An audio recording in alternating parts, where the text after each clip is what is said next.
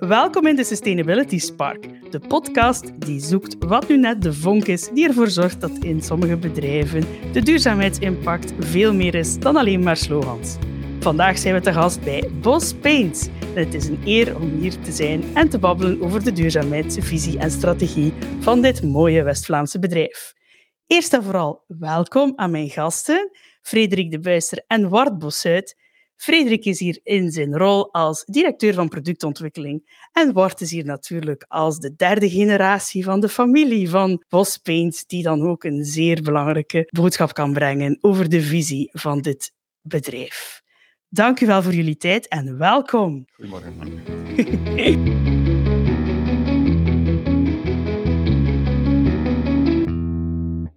Bos Paints is eigenlijk gekend als een waardegedreven bedrijf. En de vraag is eigenlijk waarom? Van waar komt dat? Hoe zien jullie dat zelf?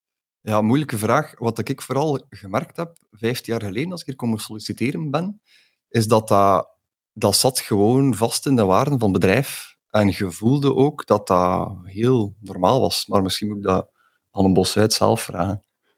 Ja, van waar komt dat, hè? dat ik, ik denk dat dat iets is die al heel lang in de familie zit. Ja, het begon zeker met mijn grootvader, die in de jaren 50 al toch veel deed voor zijn personeel. Heb ik ook gelezen uh, of, of, gehoord, want ik heb hem zelf natuurlijk niet meer gekend. En die uitstapjes die met, zijn personeel naar zee en naar, naar voetbalwedstrijden en naar Parijs blijkbaar. En dan mijn onkel, Jan Bossuit, die ja, jarenlang CEO is geweest, die is altijd al wel, ja, heeft altijd wel een, een, een uh, idealisme. En eigenlijk heel de familie, al mijn onkels en tanten, ik heb een tante die jarenlang ook vakbondsafvaren geweest is in het ziekenhuis waar ze werkte. Uh, die, die, was ook heel gedreven voor het welzijn van de mensen en zo. Dus het zit wel in de familie al, al heel lang. Het deel milieu zit Jan vooral, die, die daar wel mee bezig was. Die, die kan zo niet direct een voorbeeld van geven. Ja, misschien wel, maar ik weet niet wat hij dat graag zou horen. Maar voor mij zo'n beetje het type voorbeeld van een geitenwolle sokker was. Je had daar wel wat van. En dat toch combineerde met ja, zakelijk uh, talent of, of, of gedrevenheid alleszins. Dus dat is er wel. Ja, de, de derde generatie heeft dat ook overgenomen, blijkbaar.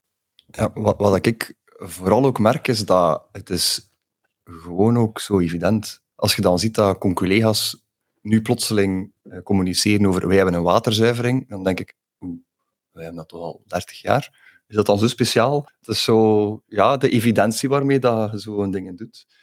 Dat is zeer boeiend, inderdaad. Want die evidentie, daar gaat het hem nu net om. Hè. Dat is nu net hetgene wat het anders maakt dan alleen maar slogans en marketing, omdat het er al lang in jullie DNA zit. En vanuit het productieproces gesproken, dan vanuit uw rol ook als directeur productontwikkeling, hoe ziet u dat nog verder evolueren? Hoe gaat dat eigenlijk in uw sector?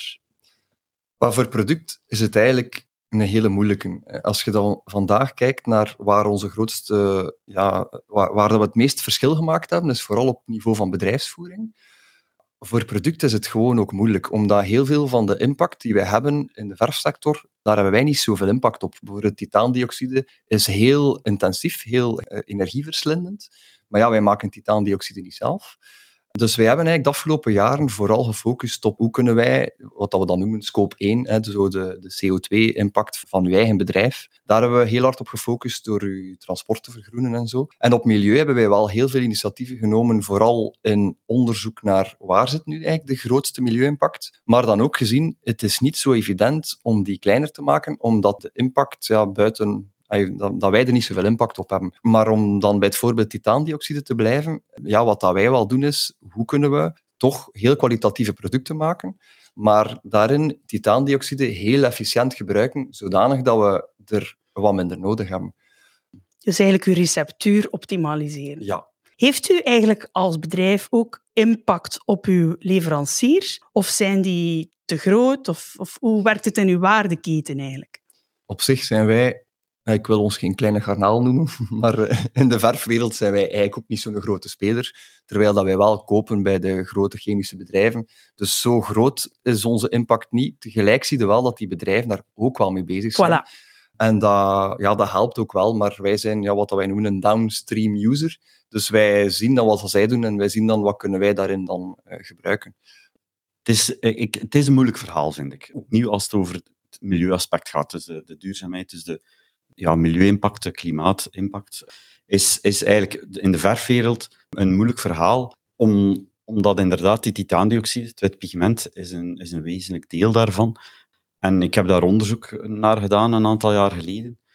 En eh, ja, verf is op zich, bouwverf is op zich verbruikend. Hè, dissipatief noemen ze dat. Dat betekent dat dat circulair maken, ja, alleen in de verf die je niet uitgeschilderd hebt ja, en die misschien naar het containerpark gebracht wordt, kan je daar proberen iets aan te doen. Maar dan spreekt het al maar over kleine percentages meer van de totale verfomzet, waarmee dat je iets kunt gaan hergebruiken. Maar eens de verf aan de muur hangt, uh, kan je dan natuurlijk niet meer. Dus dat is, een, dat is een probleem eigenlijk. Mijn indruk is, en dat is niet alleen voor Bos zo, dat is voor al de hele bouwverfsector zo, dat je eigenlijk maar een paar procent beter kan doen. Ja, een paar procent in, in een aantal gevallen 10%. Maar als je bijvoorbeeld ja, zou zeggen, ik ga veel minder titaandioxide gaan gebruiken, dan heb je gewoon minder, ja, dan heb je minder dekkracht. En uiteindelijk, het gaat hem over hoe lang blijft, het gaat hem niet over de pot, de duurzaamheid van de pot, maar het gaat hem over de duurzaamheid van mijn geschilderde muur bijvoorbeeld. Hoe lang kan ik die gebruiken? Hoe lang blijft die goed? En, ja, en, dan is, en, en ook bijvoorbeeld, ja, hoeveel verf heb ik nodig om zo 10 vierkante meter of vierkante meter te schilderen? En dan komt opnieuw die, die hoeveelheid titaandioxide en komt daar weer om de hoek. De milieu-impact is behoorlijk moeilijk en ik heb dat inderdaad soms wel wat als ook wat frustrerend ervaren. We kunnen daar nog wel, allee, er, ik heb nog genoeg ideeën en er zijn ook nog genoeg ideeën om daarop te werken. Maar ja, dat dat maar over kleine beetjes gaat, ik heb het daar wel lastig mee, omdat dat eigenlijk een boodschap is die niet graag gebracht wordt. Ook niet door de confederaties en de dingen. Of eigenlijk niet gebracht wordt. Maar de, ik zeg het opnieuw, de, voor mij is verf de, de twee andere dingen. Dus de, het, het sociale, het menselijke, het, ook in governance, vind ik dat we wel veel kunnen doen. Omdat eigenlijk schilderen een laagdrempelig tamelijk laagdrempelig beroep is, bijvoorbeeld naar inclusie toe of naar... Ja, je kan in principe tamelijk makkelijk mensen opleiden of heropleiden richting zo'n beroepen. En zijn er zoal acties die daarvoor lopen? Ja, die, die ideeën zijn er. Ik weet wel dat we, god, dat is al 15 of 20 jaar geleden, dat we onze eerste opleiding rond schilderen en decoratieve technieken, samen met de VDAB, dat we dat opgezet hebben. De werklo Allee, dat was een manier om de werkloosheid eigenlijk of, of mensen die werkloos zijn, te, te gaan heroriënteren en dat, en dat we daar eh, aan bijdroegen. Maar op zich zit er in het sociaal stuk ook nog iets anders dat ruimer is dan onze, onze klanten. Hè? Want als je dan gewoon kijkt, uh, Bospaints stelt wel 250 man, mensen te werk. En ook daar kan je als bedrijf heel mooie ja, je verantwoordelijkheid nemen. Hè? Want eh, op zich, door zorg te dragen van al die mensen die hier werken, ben je eigenlijk ook wel duurzaam bezig. Ja, ja dus dat, dat is zeker iets die we... Allee, eigenlijk de, de mens, onze medewerkers, onze klanten, proberen bijvoorbeeld ja, naar, de klanten toe uh, ook altijd onze verantwoordelijkheid te nemen, in gesprek te gaan als er iets misgegaan is. Ja, we weten ook dat we bijvoorbeeld bij, bij een klacht ah, dat is moeilijk even natuurlijk, maar dat we, als, als er echt iets fout is gegaan, en eigenlijk zijn een deel daarvan is ook, ja, de klant had het kunnen weten, maar wist het niet. Ja, goed, we horen ook allemaal de, de wetgeving te kennen, we weten ook veel niet. Dus dat is voor een stuk begrijpelijk. Dus dan gaan we daar mee met de klant in gesprek gaan en mee verantwoordelijkheid nemen. En we weten soms dat we de sterkste schouders hebben. Anderzijds, ja, het moet ook wel voor wat hoort wat. Dus we proberen daar eigenlijk de klant allee, als partner te zien. Leveranciers ook, de, de, de buren. Eh, de manier waarop dat we met alle mensen, alle betrokkenen omgaan, is wel heel belangrijk dat we dat authentiek doen, dat we naar onszelf kijken in samenwerking, een, een lange termijn samenwerking eigenlijk. Dat is wel iets die, die heel belangrijk is en waar ik wel trots over ben. Ja, dat is uh, een feit. Zeker boeiend. En zo eigenlijk als werknemer, u bent overtuigd van het positief omgaan met mensen, maar hoe is dat dan concreet voor u? Wat zou u zeggen tegen mensen die hier willen komen werken? Wel, als ik kijk hoe dat ik hier zelf gestart ben 15 jaar geleden. Ik had juist mijn doctoraat afgerond. En ja, ik eigenlijk, hoe dat ik hier beland ben, was... Ik zocht een job. Het, ja, ik dacht, oh ja, ja Waregem, dat is wat ver. en ik zoek erachter wel iets dichter bij huis. Um, maar als ik dan zie ja, ik ben hier dan gestart als uh, leidinggevende van een, een, klein teampje. En dan heb ik ongelooflijk veel kansen gehad om te groeien in het bedrijf. Maar dat is vooral ontstaan vanuit eh, een investering in persoonlijke groei, in je eigen leiderschap en in uh, leidinggevenden die met mij veel geduld hadden. Wart zei daar juist nog tegen mij, ja, mag ik het zeggen, Bart? Ik ga dat zeggen er juist zei ja, maar geld gewoon een veel te groot bakkers voor in het labo te beginnen. En ik denk dat dat ook gewoon klopt. Dus in die zin... ik ben ook zo ooit in de labo begonnen in ah, Desselgem. ja, voilà.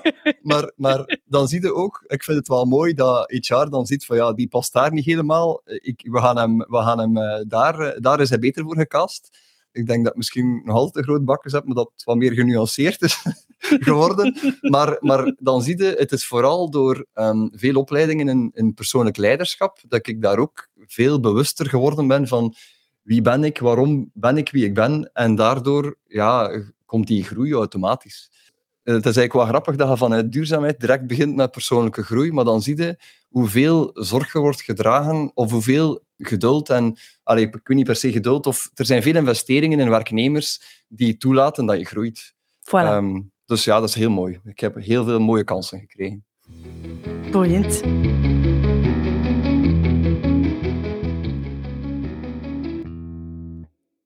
We hebben het daarnet gehad over de visie van de familie en ook de geschiedenis daarvan. Maar eigenlijk is het ook interessant om aan u persoonlijk te vragen, meneer Bosuit, wat uw persoonlijke visie hierover is, over het aspect van duurzaamheid of van de toekomst daarvan. Kan u daar iets meer over vertellen? Zeg, me, zeg me trouwens maar gewoon Bart, meneer Bosuit. Hoor ik. Ja, dat vorm van idealisme heb ik zelf ook wel altijd gehad. Ik vind eigenlijk ik, heb, ik weet niet of dat, nou, misschien heeft, heeft de rest van de familie ook wel een beetje, maar zo wat geluk gehad dat ons grootvader ooit zo'n bedrijf heeft opgericht en ons zoiets moois heeft nagelaten. En dat je daar dan eigenlijk kunt gaan werken, nou, dat, dat klinkt veel te eenvoudig, maar dat je daar kunt je eigen ding mee doen. Dat is eigenlijk een, een cadeau waarmee dat we... Dus eigenlijk voel ik mij een zondagskind. In de zin van, ik heb dat meegekregen, financieel is dat comfortabel, zoiets. En ik kan mijn met mijn talenten, die redelijk specifiek zijn, ik werk. Het is goed dat ik in een labo werk, maar niet in een verkoop. Dus ik ben geen allrounder. Ik vind dat ik geluk heb gehad in het leven. Hè. En dan vind ik dat je iets moet terugdoen. Terugge Allee, ik vind logisch dat je dan meer teruggeeft aan de wereld dan mensen die tegenslag hebben, omdat ze in een, in een arm of kansarm gezin zijn geboren. Ja, die, die moeten al alle zeilen bijzetten, bij manier van spreken, om een eigen leven op de sporen te krijgen. Als je geluk hebt gehad in het leven, je hebt van alles meegekregen, dan wil je toch veel, vind ik het maar logisch, dat je veel terug doet, of probeert toch iets terug te doen met je talenten en, en de, de bagage die je gekregen hebt, om iets terug te, doen aan, terug te geven aan de wereld. Dat zit er voor mij wel fundamenteel onder. Mooi, ja, inderdaad. En ook wel zeer persoonlijk natuurlijk. Dus dat is wel heel interessant. Ja, om nu nog iets dieper in te gaan op het, op het governance aspect, want eigenlijk is de vraag natuurlijk ook, als andere bedrijven dat nu ook zouden willen doen, zoals jullie, hè, wat zouden ze dan moeten doen? Hebben jullie een bepaald advies dat je nu zou geven aan andere bedrijven om ook op, op een meer authentieke manier? Is dat iets dat gelinkt is aan echt een heel strikt KPI-model of is dat iets dat organisch groeit? Kan u daar iets meer over vertellen, wat dat advies dat u zou willen geven? Ik denk dat zoals de meeste dingen, begint aan de mensen die aan de top wel, denk ik. Alhoewel dat ik het ander niet uitsluit en dat er op een bepaald moment bij ons toch ook veel van onderuit kan komen. Maar ja, ik, ik, denk, dat, ik denk dat dat stap per stap moet gebeuren. En dat je eigenlijk, dat begint met initiatief, dat is eigenlijk ook ondernemerschap. Een soort ja, dingen inbrengen, dat je stap voor stap begint met initiatieven om mensen mee te krijgen. Allee, als ik zie wat onze mobiliteit dat begint met een fietsbeleid en met fietswieltjes en met zo tamelijk eenvoudige dingen. We doen dan, doet dan mee aan de week van de mobiliteit en dan kun je iets winnen. En dan, en dan, dan krijg je dat meer en meer zo. Je ziet meer en meer. En, en ook als je met een auto komt, ah ja, je kunt gewoon nog achteruit parkeren, doe ook al mee. Het is een kleinigheid, maar kom. En iedereen heeft het gevoel dat hij kan bijdragen. En zo geleidelijk aan krijg je zo een soort vliegwiel die altijd maar sterker draait. En ja, waar je mensen in, in meebrengt.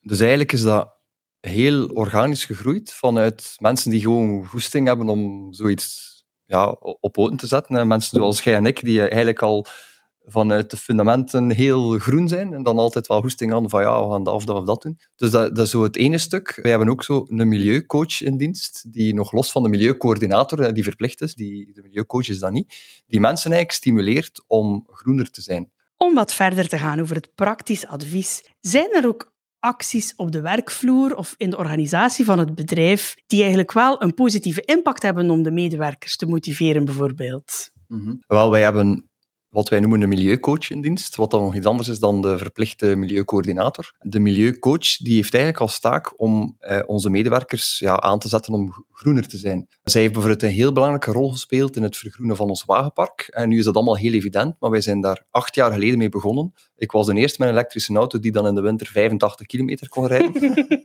ja, ik kan daar nu mee lachen, ik kon daar toen niet zo hard mee lachen. Um, maar zij is ook de drijvende kracht om uh, met fietslease te beginnen of uh, mensen te leren carpoolen. Of wij hebben ook een systeem waar dat mensen fietswieltjes krijgen uh, als ze met de fiets komen. Wat als ze dat kunnen inruilen voor een lunch in de bar of een fietsonderhoud. Oh, leuk. en dan komt er een, een, ja, komt er een firma naar ons bedrijf die dan alle fietsen onderhoudt. Dus dat zet de mensen wel aan om, om groener te zijn. Ja. Boeiend, boeiend. En um, heeft dat dan ook een beetje een impact over de retentie van de mensen? Hebben jullie een groot verloop of blijven ze hier graag lang werken? Of hoe ziet u dat zelf? Ik heb geen cijfers. Ja, daar, dan moet ik nee, aan HR vragen eigenlijk hoe lang de mensen gemiddeld blijven. Maar mijn ervaring is dat mensen hier... Ik hoor het uh, Gwen, onze HR-directrice, heel vaak zeggen wij hebben veel minder verloop dan uh, veel andere bedrijven. Dus het is hier wel goed. Mijn eigen persoonlijk verhaal, hè, wat ik daar juist zei, past daarin ook wel. Hè. Ik, ben, ik zit hier na 15 jaar ook nog altijd met veel plezier. Dus... Ja, dat is zeker duidelijk te zien en te horen. Goed. Uh, om nog een beetje verder te gaan op het aspect van de toekomst. Hè. We hebben het natuurlijk over de visie en de lange termijn ontwikkelingen en ook de technologische dingen die we nog kunnen doen. Maar uh, hebben jullie ook impact van bijvoorbeeld Europese wetgeving? Er zijn veel mensen die nu beginnen zich vragen te stellen over bijvoorbeeld de CSRD. Vallen jullie daar ook onder en hoe gaan jullie daarmee om? Ja, uh, ja wij vallen daar wel degelijk onder. En wij zijn ons daar nu op aan het voorbereiden. Nu, we hebben daar nog wel even de tijd voor, want het gaat maar rapporteren over 2025 en 2026 zeker. Uh, maar wij zijn ons daar nu op aan het voorbereiden, omdat wij eigenlijk een heleboel cijfermateriaal eigenlijk zelf moeten verzamelen. Maar vooral ook, wij moeten ook ambities formuleren rond alle thema's die de CSRT uh, zelf uh, aangeeft. Dus wij zijn nu eigenlijk ja, wat wij noemen de materialiteitsmatrix aan het maken. Dus ja, dus wij zijn eigenlijk nu een update aan het doen van onze duurzaamheidsvisie en wij gaan daarvoor de kapstok CSRD gebruiken, omdat die hem daar eigenlijk wel makkelijk toe leent. Gebruikt u de dubbele materialiteit of de enkele materialiteit? Uh, de dubbele. Ah. Ik denk dat je ook de dubbele moet gebruiken. Ja, inderdaad. Dat was een strikvraag. yes. dat was om te zien hoe ver dat je er al mee stond. Ja. uh, praktisch gezien is dan eigenlijk de, de vraag die ook vaak wordt gesteld hè, in die duurzaamheidscommunity, en dat is ook een moeilijke. Moeilijke frase verwacht. Ja, ja. Eh, de vraag die soms wordt gesteld is, moeten bedrijven ook niet meer aan degrowth doen in plaats van aan growth? Allee, moet groei ten koste van alles? Of kunnen we daar een soort balans in vinden? Hebben jullie daar een mening over op langere termijn? Ja, goede vra vraag.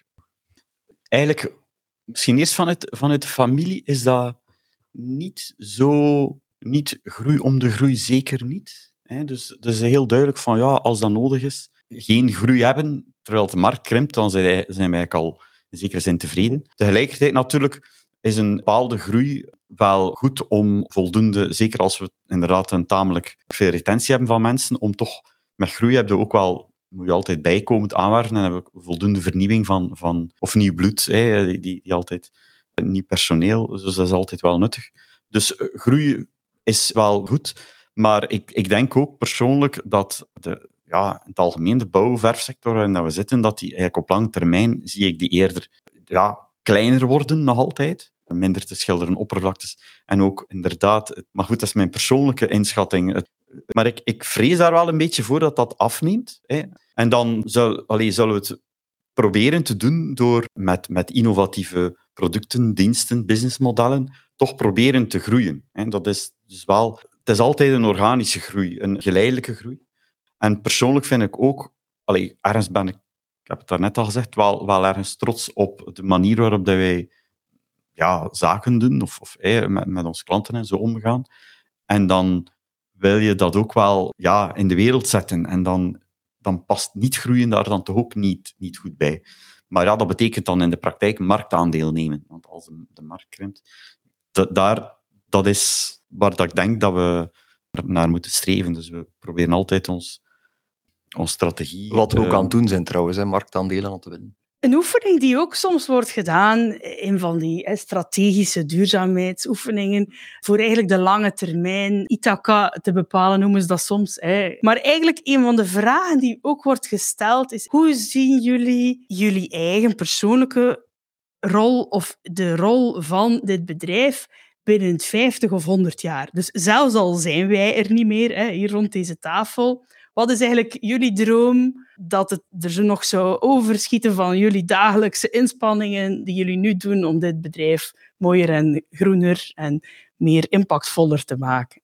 Ja, dat is, dat is een heel moeilijke vraag natuurlijk. In 50 jaar dan is de eerste vraag al hoe gaat de wereld er en, ja, West-Europa en zo, België eruit zien. Het is niet evident met klimaat- en migratiecrisissen en dergelijke. Ja, in welke wereld gaan we, uh, ons bevinden? Ik heb eigenlijk, het gaat verder op wat ik daarnet zei. Ik, ik denk, ik kan me inbeelden dat opnieuw onze markt wel wat kleiner wordt. Tegelijkertijd denk ik dat we daarin proberen ja, meer te internationaliseren, denk ik. Dat, dat we proberen die richting uit te gaan. En ik wil echt, allee, en ik denk dat dat ook in de familie en bedrijf wel vechten voor de, ja, de manier van zaken doen, dat we dat willen verder dat soort model dat, we, dat je wilt verder zetten. Dus, en we hebben al onderzocht van kunnen we gaan diversifiëren, kunnen we gaan, gaan inzetten op markten die wel nog groeien en zo. Dat is niet altijd makkelijk, het is niet zo makkelijk, omdat je, ja, waar zit je goed in? In dat product en in dat, dat soort cliënteel. Dus oftewel is het een vergelijkbaar product, maar dan ander cliënteel, oftewel is het hetzelfde soort product. En, nee, een ander product, maar hetzelfde cliënteel. Wat dat we voor een stukje al in de richting die bosklima, dus de, de systeem, dus het systeem van buitengevelisolatie, waar je dan eigenlijk gaan afwerken met verschillende manieren, waaronder ook natuurlijk verf of crepie of zo. Dus dat, dat is eigenlijk een manier van diversifiëren. En ik denk dat we daar verder moeten gaan en altijd maar verder kijken, verder kunnen blijven vernieuwen om een markt en een, iets, iets te vinden van de groei te kunnen verder zetten. Net om dat, dat businessmodel, die, die waarden eigenlijk ja, in, in de wereld te kunnen blijven zetten. Dat is mijn persoonlijke mening daarin. Eigenlijk een soort respectvol businessmodel. Ja, respectvol naar de mensen, naar de, de omgeving, de, de, de wereld. Ja, absoluut. Interessant.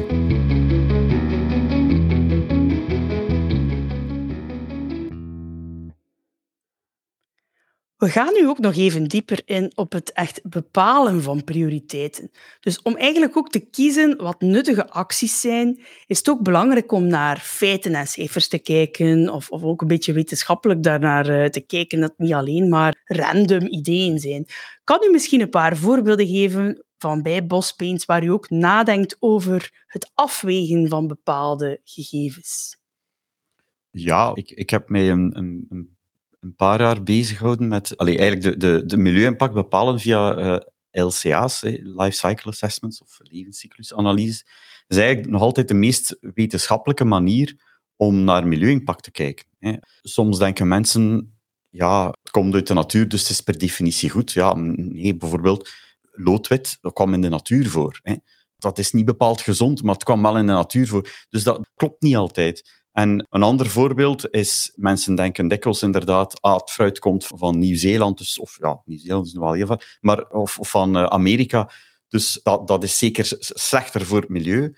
Maar veel mensen weten niet dat een transport met de vrachtwagen over land 10 of 15 keer slechter is voor, voor het milieu dan uh, transport met een schip, met een containerschip of met een schip over het water. En je kan dat eigenlijk ook... Ik maak altijd de vergelijking met, je hebt een auto, duw dat een keer voort. Hoeveel inspanning vraagt dat? En een bootje, als je een bootje duwt, voelt dat dat, dat vlotter gaat. Dus, of een fiets, daaraan voelde wat dat de milieu-impact van iets is. Zo, op, op zo'n manier kan je... Dus het is soms milieu-impact en het is soms contra-intuïtief. Dus de wetenschappelijke benadering is wel belangrijk. En kan niet zomaar vanuit de buik, ah, het komt uit de natuur, dus het is gezond of het is beter voor het milieu. Geldt niet altijd. En uh, heeft u misschien ook een voorbeeld vanuit uw grondstoffenketen? Want daar lijkt mij nu toch wel ook interessant op lange termijn, vanuit uw grondstoffenimpact, of dat u daar ook over nadenkt.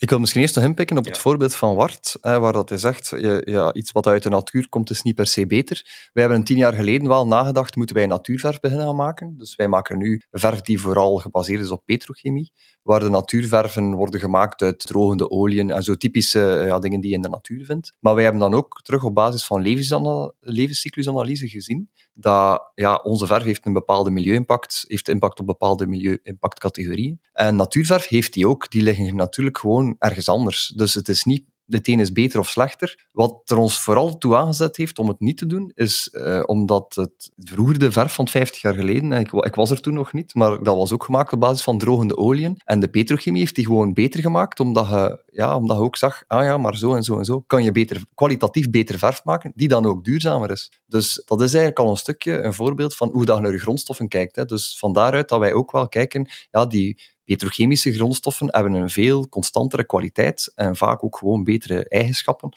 op basis van alle kennis die we vergaard hebben over de jaren heen. Ja, wat dat natuurlijk niet wil zeggen dat we dat niet bekijken. Hè. Dus uh, biogebaseerde grondstoffen bekijken we wel, maar niet per se dat we alles zoveel mogelijk biobased willen. Moet ook passen, de kwaliteit moet goed zijn. Moet het hele verhaal, wij vragen bijvoorbeeld ook, ja, is, is bijvoorbeeld als het uit de natuur komt, is het in competitie met voedsel of voeder? Dat is zo één, waar dat we altijd, ja, dat, dat wordt dikwijls vergeten. Oh ja, nee, het is biobased, dus het is goed. Ja, maar ja, de aardoppervlak is klein, hè? dus als iets in competitie komt met voedsel of voeder, dan duwt het, dan is het resultaat in de praktijk dat er rapper weer woud gekapt wordt, omdat er meer vraag is naar landbouwgrond. En de, dat is dat is een van die aspecten waar mensen niet altijd aan denken. Maar biobased niet, met organische reststromen of zo, is wel een interessante piste voor, voor ook ons grondstof. Daar bekijken we wel. Ja, en vragen we daar ook naar bij onze leveranciers. Maar dat is nog niet altijd zo evident. Ja, dat is inderdaad iets dat nu heel sterk nog moet ontwikkeld worden de volgende jaren. Maar dat is zeker boeiend. Dank u voor jullie interessante input. Als we nu eens zouden afronden met de vraag, stel dat ik nu aan mensen op straat in Waregem vraag, wat stellen jullie voor bij duurzaamheid bij Bospaint? Wat zouden jullie eigenlijk graag hebben dat die mensen antwoorden? Wel, wat ik sowieso merk als ze bij ons komen solliciteren, is dat zij zeggen, Bos is aangeschreven als een goede werkgever. En ik vind het altijd heel fijn om te horen, want blijkbaar ja, voelen ze dat dan wel, dat dat, dat, dat daar is. Hij heeft ze horen het in elk geval.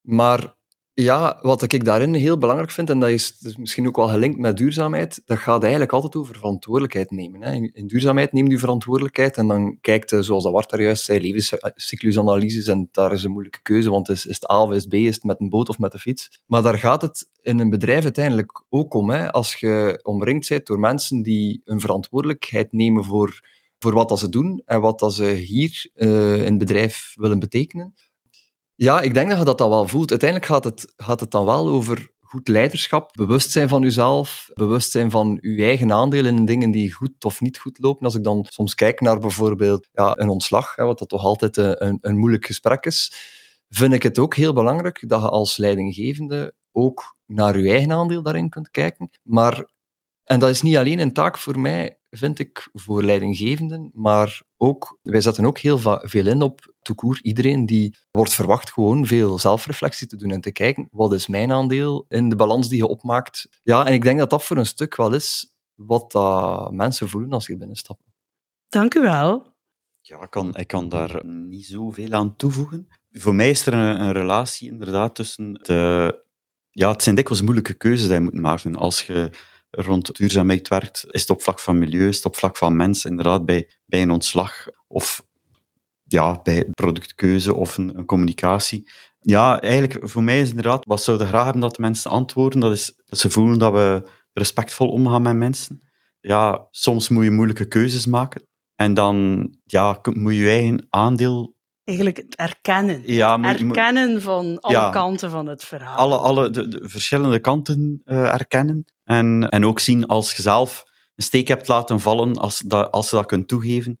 Dat is ook een vorm van, van respect. Dan, dan kunnen mensen ook beter begrijpen waar dat een, een beslissing of waar dat ja, vandaan komt en, en hoe dat, dat ontstaan is. Dus, ja, nee, ja. ja. dank u wel. Dat is zeer duidelijk. Ja. Het is sowieso een boodschap van respect en lange termijn samenwerken, waar het over Ja. gaat. Ja. absoluut. Ja. Dank u wel allebei voor jullie interessante antwoorden. Het is zeker een plezier om hier te zijn vandaag. En dan eh, zien we elkaar nog wel eens terug. Prettige dag nog. Dag. Dankjewel.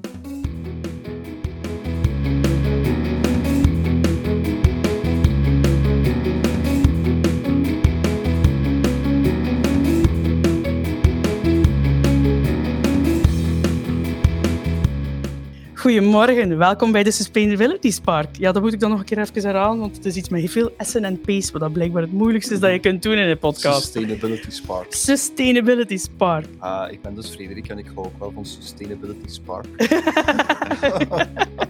dat is al goed voor in de bloopers.